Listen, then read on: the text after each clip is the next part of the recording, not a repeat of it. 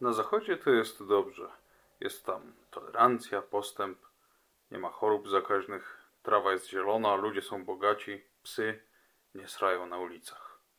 Przydałoby się, żeby u nas było tak jak na zachodzie. No ale jak to zrobić? Proste. Chcesz, żeby było u ciebie tak jak gdzie indziej? No to postępuj tak, jak postępują gdzie indziej. Na zachodzie wydają pieniądze na centra sztuki współczesnej, my też powinniśmy wydawać na to pieniądze.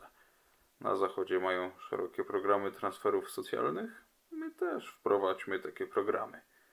Na zachodzie mają, to znaczy mieli kolonie, my też je miejmy. To znaczy, my też je mieliśmy. Y, nie mieliśmy, to y, uznawajmy, że je mieliśmy. Y, tak, mieliśmy.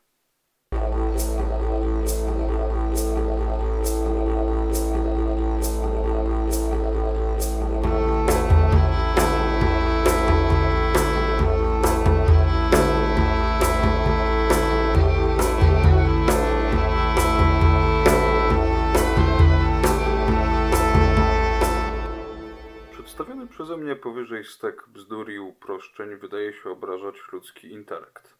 Ale nie obraża. Naprawdę uważam, że tak to mniej więcej działa, czyli że mania naśladowania tzw. Tak Zachodu rzutuje mocno na postrzeganie przez Polaków rodzimej historii. Przykładów na to jest wiele. Jednym z nich jest wrzucanie do jednego wora z jednej strony polskiego, a z drugiej niemieckiego czy anglosaskiego przedwojennego antysemityzmu, gdy tymczasem antysemityzmy te były mocno odmienne. Inna rzecz to przekonanie, że skoro na Zachodzie karano za homoseksualizm, sprawdźcie sobie, kiedy zniesiono karalność homoseksualizmu, w takiej na przykład Szkocji czy Norwegii, to w Polsce na pewno też karano. No i na pewno bardziej karano, lub co najmniej dłużej karano, bo przecież jesteśmy cywilizacyjnie zapóźnieni. Było oczywiście dokładnie na opak. Ale dziś nie o antysemityzmie ani o homoseksualizmie, lecz o polskich koloniach. We wszystkich tych tematach działa podobny mechanizm, to znaczy nieznajomość rodzimej historii sprawia, że jesteśmy skłonni myśleć, że u nas było tak samo jak w krajach, których historię myślimy, że znamy. Na zachodzie ludzie nie znają polskiej historii i nie ma się co dziwić. Dlaczego? No, po pierwsze, w czasach, gdy narody tworzyły zręby swojej propagandy historycznej, czyli w XIX wieku, odbywało się to za pośrednictwem państw, państwowych szkół, państwowych uniwersytetów, państwowych instytucji, które tworzyły ją ku chwale królowej i Imperium Brytyjskiego, ku chwale Republiki ze stolicą nad Sekwaną, ku chwale jednoczących się pod pruskim butem i pod berłem Hohenzollernów Niemiec. No, a państwa polskiego wtedy nie było bo wcześniejsza państwowość polska była głównie przez swój republikański protoliberalizm na tyle nietypowa, że nie wytrzymała konkurencji ze strony państwowości reprezentowanej przez zaborców, a więc nowoczesnej, scentralizowanej, o potężnej armii i zorganizowanej karnej administracji. Państwa zaborcze zaś były ostatnimi zainteresowanymi w tworzeniu i krzewieniu polskiej propagandy historycznej. Lukę tę częściowo zapełniła u nas literatura i sztuka, ale to już inna kwestia. E, po drugie, nie można się dziwić, że Zachód nie wie niemal nic o polskiej historii, skoro, jak już wspomniałem, sami Polacy niewiele o niej wiedzą i nawet gdyby chcieli, to nie mogą jakoś sensownie wykazać naszej wyjątkowości. No, chyba, że mówiąc, że u nas to tylko pierdel, serdel i burdel, że pozwolę sobie zacytować człowieka, którego pomnikami, ulicami, placami usiany jest to obszar od Odry po Bóg. Za to bardzo chcą, by było u nich tak, jak na zachodzie. Tu napotykamy na pewną różnicę między kwestiami antysemityzmu czy homoseksualizmu z jednej strony, a kwestią kolonializmu z drugiej strony. O ile bowiem w przypadku antysemityzmu czy homoseksualizmu to Zachód ochoczo mówi nam, co i jak u nas było, a my jedynie kiwamy głową, o tyle w przypadku kolonializmu Polacy zdają się wręcz wychodzić przed szereg. Przykład? Proszę bardzo. I to taki z najniższej półki, dotyczący ludzi kierujących polityką zagraniczną III RP. No nie tak dawno był taki człowiek jak Grzegorz Juliusz Schetyna. Po tym jak wybuchła afera hazardowa, nie wiem czy pamiętacie, premier Donald Tusk w ramach remanentu na kilka lat pozbawił go pełnienia funkcji rządowych i Schetyna musiał zadowolić się piastowaniem urzędów zapewniających mniejsze frukta. W wyniku kolejnego przetasowania w obozie władzy, kiedy to Donald bawił już na europejskich salonach jako przewodniczący Rady Europejskiej, a na czele warszawskiego rządu stanęła Ewa Kopacz, Grzegorz Schetyna został ministrem spraw zagranicznych RP. I on to, jako urzędujący minister spraw zagranicznych, postanowił wyrazić niezadowolenie z faktu, że reprezentowane przez niego państwo nie uczestniczy w międzynarodowych rozmowach mających na celu załagodzenie konfliktu zbrojnego toczącego się wtedy na Ukrainie. W rozmowie z Gazetą Wyborczą powiedział tak. Cytuję za stroną nie Gazety Wyborczej, a Rzeczpospolitej. W Mediolanie nie było żadnej poważnej rozmowy o Ukrainie bo nie było takiej woli i to przede wszystkim po jednej ze stron. Uważam, że każda poważna rozmowa dotycząca przyszłości Ukrainy i szukania poważnej odpowiedzi, jak zakończyć konflikt, musi się odbyć z naszą obecnością. Rozmawiać bez Polski o Ukrainie to tak, jakby w sprawach Libii, Algierii, Tunezji, Maroka rozmawiać bez Włoch, Francji, Hiszpanii. Koniec cytatu. Zastanówmy się, do czego tutaj doszło. By to zrozumieć, najpierw odpowiedzmy na pytanie, czym dla Włoch, Francji i Hiszpanii była Libia, Algieria, Tunezja i Maroko. Odpowiedź jest, jak to rzadko bywa, dość prosta. Były koloniami. Najmniej może dotyczy to pary Hiszpania i Maroko, bo tylko małe części terytorium marokańskiego były hiszpańską kolonią, no ale wciąż. A więc doszło do tego, że osoba prowadząca politykę zagraniczną naszego państwa powiedziała, że rozmawiać bez Polski o Ukrainie to tak jakby w sprawach byłych kolonii Włoch, Francji i Hiszpanii rozmawiać bez Włoch, Francji i Hiszpanii. No, postarajmy się być przez chwilę życzliwi. Zapewne Grzegorz Schetyna chciał bardzo obrazowo pokazać, że państwo, któremu służy, powinno uczestniczyć w tych rozmowach. Może nawet chciał trochę podbudować wizerunek tego państwa jako silnego, liczącego się gracza, skoro postawił je w jednym szeregu z państwem francuskim, włoskim i hiszpańskim, może nieco mniej, ale też, bo jeśli chodzi o moc w polityce międzynarodowej, to te państwa są zdecydowanie silniejsze niż jego państwo. Możliwe też, że Grzegorz Schetyna nie miał wcale na myśli tego, że wymienione przez niego afrykańskie kraje były obiektem kolonialnego wyzysku. Możliwe, że miał na myśli tylko to, że z czysto geostrategicznego punktu widzenia o Libii rozmawia się z Włochami, a o Algierii z Francją i to nie pozostaje w ścisłym związku z tym, że Libia była włoską kolonią, a Algieria francuską kolonią. Tak zresztą się mniej więcej z tych swoich słów później tłumaczył. Możliwe, ale to nie ma większego znaczenia, bo skojarzenie jest na tyle silne, a minister spraw zagranicznych powinien być na tyle czuły na takie rzeczy, że w świecie, gdzie kolonializm jest nominalnie potępiany, takie słowa nie powinny były nigdy paść z jego ust. Zostawmy na boku odpowiedź na pytanie o straty, jakie dla III RP przyniosła ta jego wypowiedź. Y, ona się odbiła szerokim echem, mm, no, zwłaszcza na Ukrainie. Jeden z ukraińskich dyplomatów Wasyl, czyli po naszemu Bazylii Filipczuk, właściwie Filipczuk, powiedział nawet, że Schetyna powinien stracić stanowisko. Nie wiem właściwie po co to powiedział, bo ów Wasyl to jednak dyplomata ukraiński, a nie niemiecki, a platforma dyplomatów ukraińskich się nie słuchała. Trzeba przy tym uczciwie przyznać, że Filipczuk dodał, że gdyby Schetyna był po kilku litrach alkoholu, a to wtedy on rozumie, że coś takiego można powiedzieć.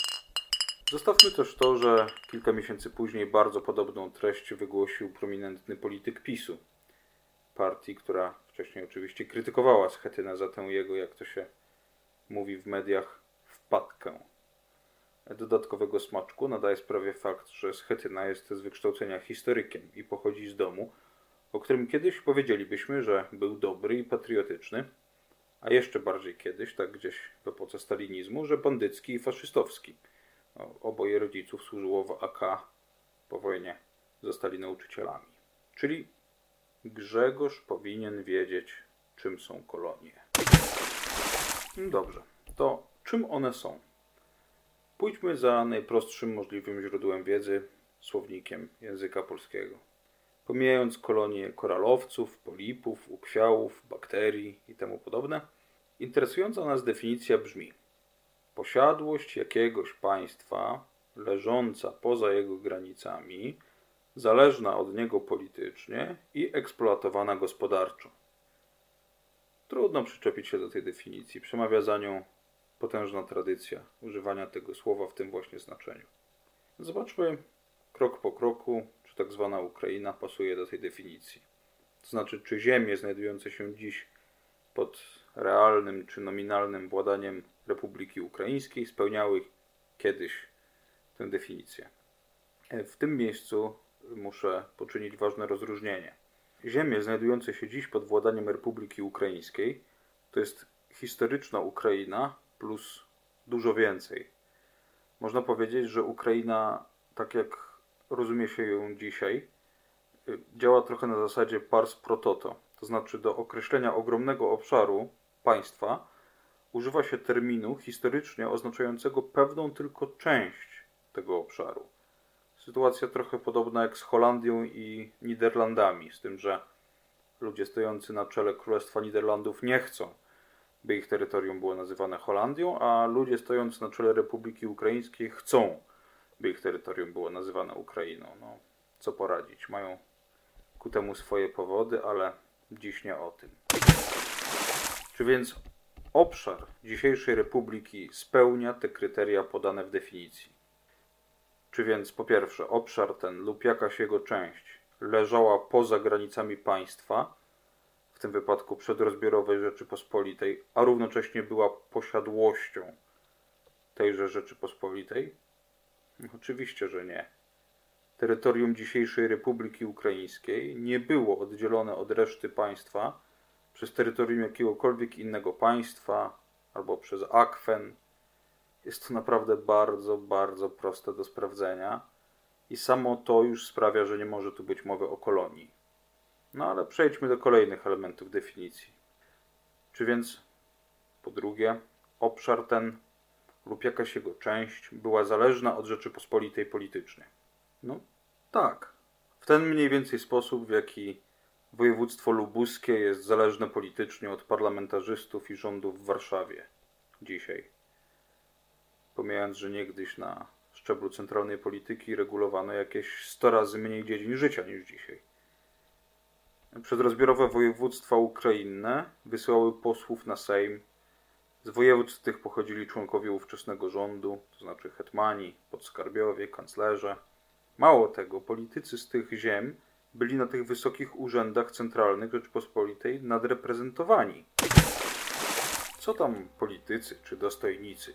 Przyjrzyjmy się królom. W dobie wolnej elekcji na tronie polskim zasiadali królowie, że tak powiem, importowani i królowie rodzimi. Importowani należeli do dynastii Walezjuszy, Batorych, Wazów i Wettynów, czyli Sasów. Oczywiście przynależność do tych dynastii nie przeszkadzała przynajmniej części z nich spolszczyć się w sensie politycznym a tacy Jan Kazimierz czy Władysław Wazowie, mimo iż przynależeli do obcej dynastii, to rodzili się już i wychowywali w Polsce. No a królowie rodzimi było ich czterech. Michał Korybut-Wiśniewiecki, Jan Sobieski, Stanisław Leszczyński, Stanisław August Poniatowski. Skąd oni byli? Michał Korybut-Wiśniewiecki urodził się prawdopodobnie w Białym Kamieniu, dziś w obwodzie lwowskim. Wprawdzie wtedy nikomu nie przyszłoby do głowy pomylenie krainy, w której leży biały kamień, czyli Rusi Czerwonej z Ukrainą, no ale dziś na ten obszar mówi się Ukraina. Jan Sobieski urodził się w Olesku, bardzo blisko Białego Kamienia, czyli też na Rusi Czerwonej w granicach dzisiejszej Republiki Ukraińskiej. Stanisław Leszczyński, kolejny król Piast, bo tak mówiono na tych nieimportowanych władców, urodził się w Lwowie, czyli w jednej ze stolic Rusi Czerwonej, a więc no, znów uderzająco podobna historia. Wreszcie czwarty rodzimy władca, Stanisław Poniatowski, urodził się w Wołczynie, wsi dziś znajdującej się na terytorium Republiki Białorusi, na samym zachodzie, tuż przy granicy z trzecią RP i w sumie niedaleko granicy z Republiką Ukraińską. A więc jeśli wyłączymy władców pochodzących z obcych dynastii, to widzimy wyraźnie, że czterech na czterech królów wybranych w epoce pojagiellońskiej pochodziło z ziem dziś nazywanych Ukrainą i Białorusią. A król nie był w ustroju I Rzeczypospolitej aż takim figurantem, jak chcą tego ludzie z Ministerstwa Edukacji. Owszem, nie mógł wiele, jeśli chodzi o stanowienie prawa, czyli podstawową prerogatywę absolutnych władców Zachodu, ale miał na przykład potężną władzę mianowania ludzi na urzędy, z których oni byli w praktyce nieodwoływalni. Uosabiał majestat Rzeczypospolitej, a wszyscy monarchowie aż po kres istnienia państwa występowali jako reges dei gratia, królowie z łaski Boga, co nie było zaklęciem tak czczym jak nam, scyniczałym i zesceptyczałym ludziom XXI wieku może się wydawać. No ale dobrze. Miejsce urodzin jest tylko miejscem urodzin, mógłby ktoś powiedzieć. Jeszcze o niczym nie świadczy. Powiedzmy więc choć trochę o pochodzeniu rodów wiśniowieckich, sobieskich, leszczyńskich i czartoryskich, bo Stanisław August Poniatowski wyniesienie na tron zawdzięczał pochodzeniu pokądzieli od czartoryskich i przynależności do ich wszechmocnej familii. Król Wiśniowiecki był ruskim kniaziem, czyli księciem. Dziś przyjmuje się, że dalekim potomkiem Ruryka. Ruskość Wiśniowieckich, w sensie ich przynależności do ruskiej kultury, była niezaprzeczalna. Choć Jeremi czy Jarema, ojciec Michała, przyjął chrzest w obrządku rzymskim. Sobiescy wywodzili się z terenów dzisiejszej Lubelszczyzny i kultury polskiej, ale skoligaconej z licznymi niepolskimi u swych korzeni rodami, w tym z wiśniewieckimi właśnie i radziwiłami. Leszczyńscy są w tej czwórce najmniej kresowi, bo pomimo zrobienia przez członków tej rodziny wielkiej kariery na Rusi, wywodzili się nie stamtąd, a z Wielkopolski. No wreszcie czartoryscy wywodzili się od litewskiego księcia Giedymina, ale jako ogromna część Giedyminowiczów zrutenizowali się, czyli zrusczyli, przeszli na ruską kulturę jeszcze w średniowieczu. Jakkolwiek taka ekstrapolacja ma ograniczony sens, uznajmy Stanisława Leszczyńskiego z rodu Wielkopolanina za Polaka. Uznajmy za Polaka także Sobieskiego. No to wciąż pozostaje nam dwóch ruskich kniaziów na czterech rodzimych, wolnoelekcyjnych monarchów. A importowani władcy Walezy z Francji, Batory z Siedmiogrodu, dwóch Sasów z Saksonii, a co z trzema Wazami. Przyjęło się mówić, że to jest dynastia szwedzka, ale po kądzieli to przecież latorośl potężnych litewsko-ruskich Jagiellonów. I gdyby nie ten fakt, jej pierwszy przedstawiciel na polskim tronie, Zygmunt III, nie zawitałby na Wawelu. Ale zaraz, zaraz, co tam władcy wolnoelekcyjni? A sami Jagiellonowie? Czy przypadkiem oni nie byli z tego kolonizowanego rzekomo wschodu? Więc Kazimierz Jagiellończyk na tronie polskim to rozumiem, że jest odpowiednikiem jakiegoś hinduskiego maharadży zasiadającego na tronie angielskim, tak? A Zygmunt Stary jest odpowiednikiem Montezumy na tronie Hiszpanii. Że, że co? Że, że maharadżowie nie panowali nad Anglią, a Aztekowie nad Hiszpanią? Hmm. Teza, że ziemie dzisiejszych republik ukraińskiej czy białoruskiej były uzależnione politycznie od Rzeczypospolitej na kształt kolonii, jest absurdalna. Równie dobrze można by powiedzieć, że kolonią Rzeczypospolitej były Prusy Królewskie, czyli z Wielkiego Grubsza dzisiejsze Pomorze Gdańskie. A nawet więcej niż równie dobrze, bo z Prus Królewskich nie pochodziło tylu znamienitych polityków, dostojników i wodzów o królach nie wspominając. Czy więc może nie było tak, że to polscy arystokraci i szlachta, jacyś leszczyńscy, zakładali latyfundia na terytorium dziś zwanym Ukrainą czy Białorusią i gnębili tamtejszą ruską i prawosławną lub grecko-katolicką ludność? I czy to może nie dlatego trzeba by jednak uznać, że taka Ukraina to była polska kolonia? Hmm. Problem w tym, że nie da się ustalić, czym jest ta legendarna polska szlachta. Czy wiśniowieccy, zwani królewiętami, ruscy kniaziowie nie sprawowali władzy nad ruskimi chłopami na Rusi? A czy leszczyńscy, ci z nich, którzy pozostali w Wielkopolsce, nie sprawowali władzy nad polskimi chłopami w Wielkopolsce? Oczywiście, że sprawowali. A czy chłopi z tak zwanych rdzennych ziem polskich, bo ja wiem, z Mazowsza czy z Małopolski, nie uciekali na południowy wschód przed uciskiem ze strony swych panów feudalnych? Zmierzam do tego, że nie możemy rzutować naszych dwudziestowiecznych czy dwudziestopierwowiecznych wizji na dawne wieki.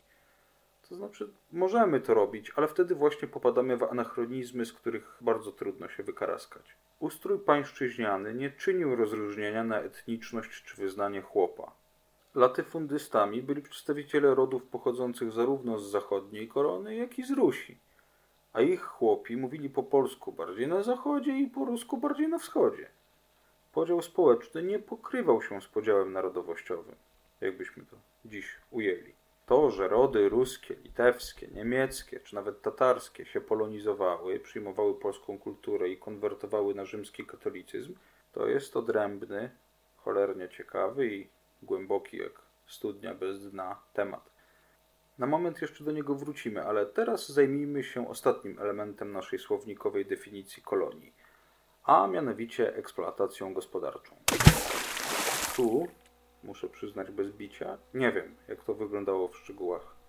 To znaczy, nie wiem, czy ziemię dzisiejszej Republiki Ukrainy eksploatowano gospodarczo bardziej niż na przykład ziemię dzisiejszego województwa łódzkiego.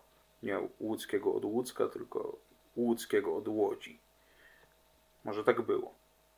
Ale czy z ziem rzekomo kolonizowanych wywożono bogactwo do jakiejś metropolii?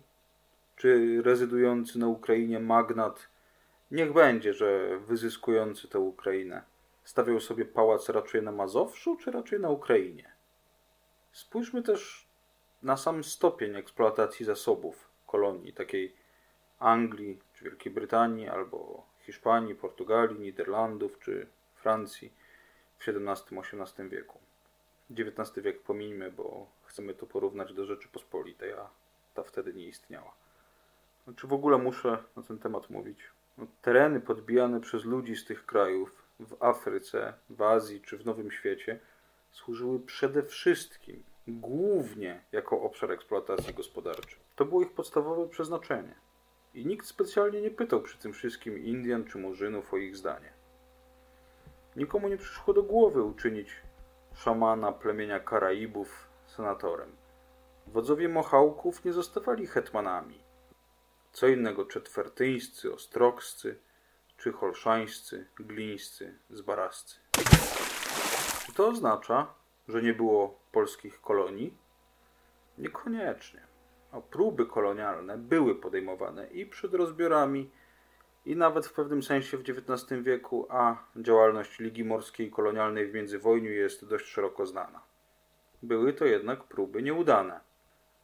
E, za najbliższe udania można uznać przedsięwzięcia XVII-wiecznego księcia Kurlandii i Semigalii Jakuba Kettlera, najwybitniejszego chyba przedstawiciela swojego rodu, Kettlerów, wiernego lennika Rzeczypospolitej, panującego długo, bo ponad 40 lat. W młodości, przebywający m.in. w Paryżu, Londynie i Amsterdamie, zapalił się do idei kolonialnej, prawdopodobnie zwłaszcza za przykładem Holendrów.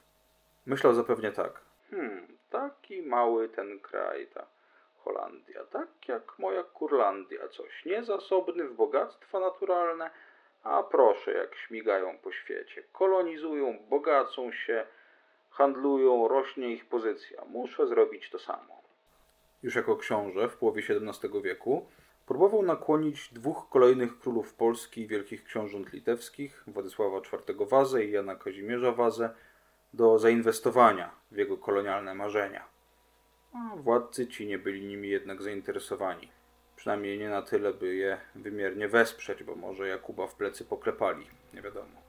Książę Jakub nie poddał się jednak i po kilku latach Kurlandczycy odkupili od Murzynów dwie wyspy i nieco stałego lądu u ujścia rzeki Gambii w Afryce Zachodniej. Na jednej z tych wysp wznieśli fort świętego Jakuba, nazwany tak oczywiście od patrona ich księcia, który został stolicą tak oto powołanej do życia kolonii.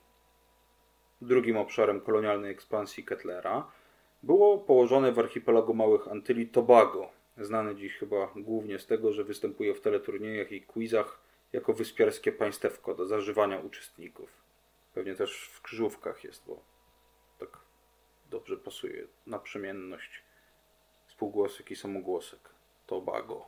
Państewko dokładnie rzecz biorąc, yy, Tobago tworzy dopiero z większym Trinidadem, drugą wyspą i pewnie jeszcze z masą mniejszych wysepek. Nasz rzutki książek kilka razy próbował opanować Tobago. Raz mu się udało. I tak powstała Nowa Kurlandia i Jakobstadt, jej stolica. Ale po paru miesiącach przypłynęli Holendrzy. No i mówiąc w skrócie, Kettler odczuł na własnej skórze, to znaczy nie tak całkiem na własnej, ale w każdym razie na kurlandzkiej skórze, jaka jest różnica między Holandią a Kurlandią. A później przyszedł potop, podczas którego wierny królom Polski i wielkim książętom Litwy książę był więziony przez Szwedów i nie był w stanie utrzymać kolonii.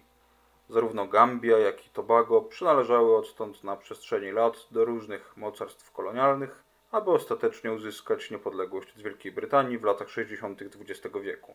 Ostatecznie, oczywiście w cudzysłowie, bo dopóki słońce nie jest wypalającym wszelkie życie na Ziemi kolosem, to nic nie jest ostateczne. Tak, to, to by był ten normalny, zdrowy, chciałoby się rzec kolonializm. Czyli po pierwsze nie wypał, a po drugie i chyba ważniejsze, prowadzony przez wasala Rzeczypospolitej. A więc pragnę zwrócić też na to uwagę, nawet nie przez wasala Polski. Ale niechby tam nawet było, że pominiemy ten aspekt i niczym nauczyciele dzieciom w szkole powiemy, że przedrozbiorowa Rzeczpospolita równa się Polska. No i co wtedy? Wciąż to tylko wasal. U ujścia Gambii nie powstało Janowo, Kazimierzowo, ani nawet Johann Kazimierstadt, tylko Jakobstadt a dzisiejszego Tobago Kurlandczycy nie nazwali wtedy w XVII wieku Nową Polską, ani Nową Litwą, ani niczym takim, tylko Nową Kurlandią. Związek między koloniami wasala a seniorem w tym przypadku właściwie nie istniał. Może gdyby Jakubowi Kettlerowi się udało, gdyby te kolonie przetrwały, to kto wie. No ale tak się nie stało.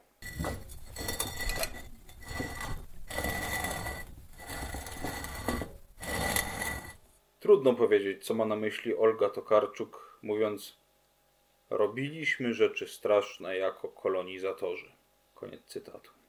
Prawdopodobnie utożsamia się z latyfundystami, którzy gdzieś na Ukrainie wyzyskiwali ruskich chłopów, przy czym uważa ich, tych latyfundystów, za Polaków i siebie za podobną im Polkę, skoro mówi robiliśmy. Nie wiem, dlaczego nie mówi na przykład robili z nami straszne rzeczy ci koloniści. Bo nie da się obronić tezy, w myśl której dzisiejszych Polaków należałoby bardziej wiązać z kresowymi magnatami niż z ich kresowymi chłopami. Ale jest coś takiego w ludzkich umysłach, nawet wybitnych. Jakaś taka pułapka w mózgu, każąca czynić te straszne uproszczenia – że jeśli na przykład jakiś szlachcic pastwiący się kilkaset lat temu nad jakimś chłopem, gdzieś hen za Bugiem, nad Słuczą czy nad Berezyną, nazywał się Polakiem, a przy tym i my dziś nazywamy się Polakami, to określenie to musi niechybnie oznaczać to samo. I że jeśli jego chłop mówił po białorusku, tak jak dziś część Białorusinów, to to był Białorusin, tak jak dzisiejsi. Wszystko inne ma mniejsze znaczenie. Ale może paradoksalnie, noblistka ma rację. To w końcu ona, nie jako pierwsza oczywiście, stwierdziła, że świat jest tworzony ze słów i że ten, kto ma i snuje opowieść, rządzi.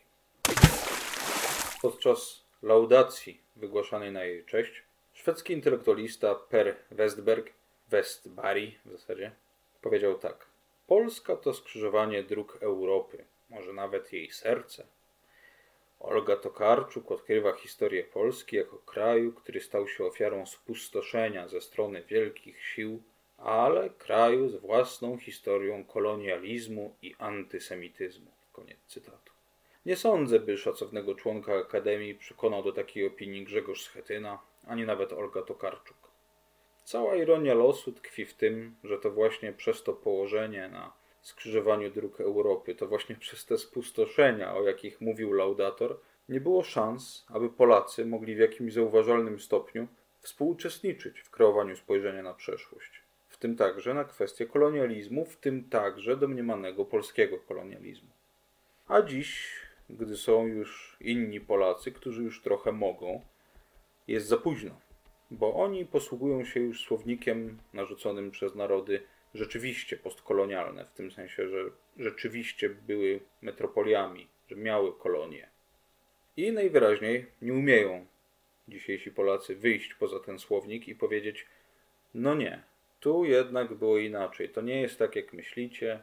U nas nie było tak, jak u was. Nie umieją, bo po pierwsze nie myślą i nie wiedzą o tym, że to było inaczej. A po drugie, jeśli nawet myślą o tym, wiedzą, rozumieją, że ruskie królewięta to jednak zupełnie coś innego niż plemienni kacykowie z czarnej Afryki. A ruski chłop po prostu dzielił los z polskim chłopem. Jeśli nawet zdają sobie z tego sprawę, to po co o tym mówić i wprawiać w zakłopotanie jakiegoś zachodnioeuropejskiego rozmówcę? Jeszcze gotów pomyśleć, że ci Polacy to nie dość, że uciskali kolonialnie, to jeszcze nie umieją się do tego przyznać. No po co? Znacznie lepiej zdobyć grant z Unii Europejskiej na projekt badań postkolonialnych, albo po prostu, jak to przedstawiłem na wstępie, być zadowolonym, że u nas, tak samo jak u tych lepszych ludzi z Zachodu, też był kolonializm. Co nomen omen świadczyć może o kompleksie, jaki ludzie skolonizowani kulturowo, dzisiejsi Polacy, przejawiają wobec kolonizatorów z Zachodu. Kulturowych kolonizatorów, żeby była jasność. Nie powiedziałem jeszcze o dwóch rzeczach, które trzeba powiedzieć dla pełniejszego obrazu. Po pierwsze, trzeba przyznać, że już przed rozbiorami istnieli ludzie, którzy identyfikując się z Polską, chcieli traktować ziemie ruskie w sposób podobny, jak kraje zachodnie traktowały swoje kolonie. Niektórzy z nich, przykład Piotr Grabowski, pisarz polityczny przełomu XVI i XVII wieku, a przy tym proboszcz w Parnawie w Inflantach, wprost formułowali tezę, że ziemie włączone do korony po Unii Lubelskiej mogą, czy nawet powinny być koloniami. Grabowski pisał, że będą to kolonie polskie, gdzie przyjemnożeni synowie koronni przyrodzonym rzemiosłem swym rycerskim majątności sobie z nieprzyjaciół ojczyzny swej nabywać będą. Niektórzy dzisiejsi historycy z tego typu enuncjacji wyciągają daleko idące wnioski że właściwie to postrzeganie ziem ruskich jako polskich kolonii nie jest żadną dzisiejszą interpretacją, tylko rekonstrukcją poglądów historycznych elit politycznych. Jeśli by tak nawet założyć, że uważał tak nie tylko Piotr Grabowski i inni podobni mu teoretycy, ale że pogląd taki był powszechny, to i tak w żaden sposób nie sprawia, że ziemie te rzeczywiście stawały się koloniami. Ale takie założenie nie wydaje się uprawnione. Większość szlachty we wschodnich województwach Rzeczypospolitej, jeśli nawet słyszała o koloniach Anglików czy Hiszpanów, musiała być bardzo daleka od postrzegania swojego dworu jako kolonialnej faktorii gdzieś w Nowym Świecie. Jak to powiedział epigon tego wymarłego kresowego świata, Stanisław Mackiewicz, ziemie wschodnie nie są jakąś polską kolonią, nie są polskimi Indiami czy Afryką, jak się może komuś zdaje są naszą ojczyzną. Koniec cytatu. A tak w ogóle to skoro mowa o sposobie rozumienia wyrazu kolonia przez tych domniemanych kolonizatorów, to biorąc pod uwagę wykształcenie, jakie otrzymywali, idę o zakład, że pierwszą rzeczą, jaka przychodziła im na myśl na dźwięk tego słowa, były starożytne kolonie greckie czy fenickie w typie Marsylii czy Kartaginy. Druga rzecz, drugie zastrzeżenie to to, co wzmiankowałem wcześniej, że do tego wrócę. Otóż faktycznie było tak, że z biegiem czasu zaistniał antagonizm między polskojęzyczną szlachtą, dzierżącą majątki na terenie dzisiejszych republik białoruskiej i ukraińskiej, a ich ruskojęzycznymi chłopami. I im bliżej XX wieku, tym bardziej konflikt ten nabierał cech antagonizmu narodowościowego. Jednak główną przyczyną tego stanu rzeczy był fakt, że ruskojęzyczna szlachta polonizowała się dużo szybciej niż ruskojęzyczni chłopi. Również w sensie porzucania prawosławia i grekokatolicyzmu na rzecz katolicyzmu i protestantyzmu, czy już później na rzecz samego tylko katolicyzmu, który zaczęto utożsamiać z polskością. Z biegiem czasu dochodziło więc do sytuacji, w której, już nie wnikając w rodowody przodków, ten wyzyskujący dwór mówił po polsku i chodził do kościoła rzymskiego, a ta wyzyskiwana wieś mówiła po rusku i chodziła do cerkwi.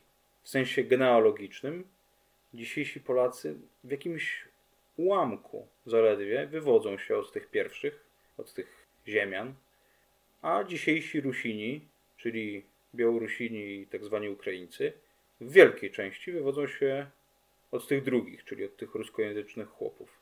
Tak, tylko u licha, jaki to ma związek z kolonializmem? Tak po prostu w naszej części Europy ewoluował feudalizm.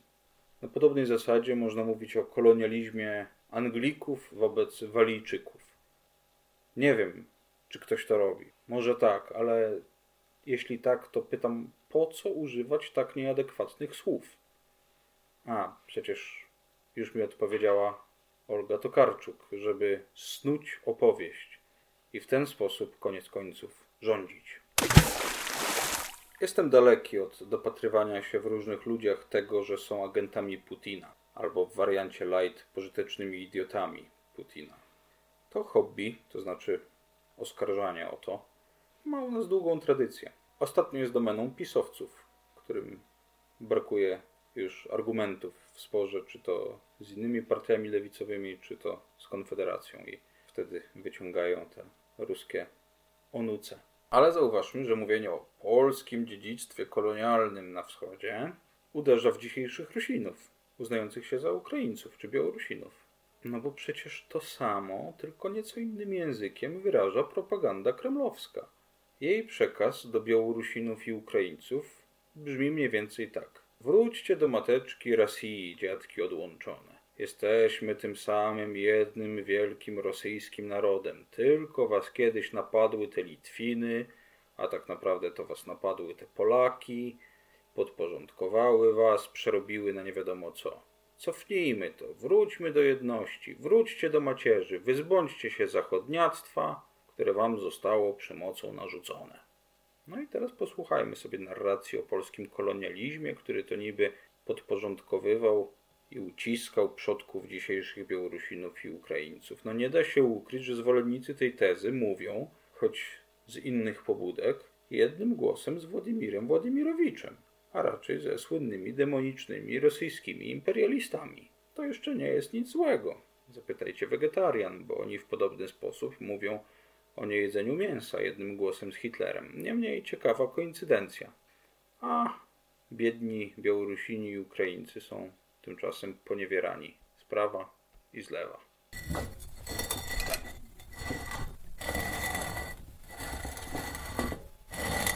Jeśli znaczenie słowa kolonializm ma przesuwać się w tym właśnie kierunku, że mówiąc w wielkim skrócie, zacznie oznaczać po prostu feudalizm, to najpewniej nawet straceńczy opór wszystkich pięciu słuchaczy tego podcastu nie odwróci tego trendu. Ale zawsze możemy wiedzieć swoje. I o to w gruncie rzeczy chodzi.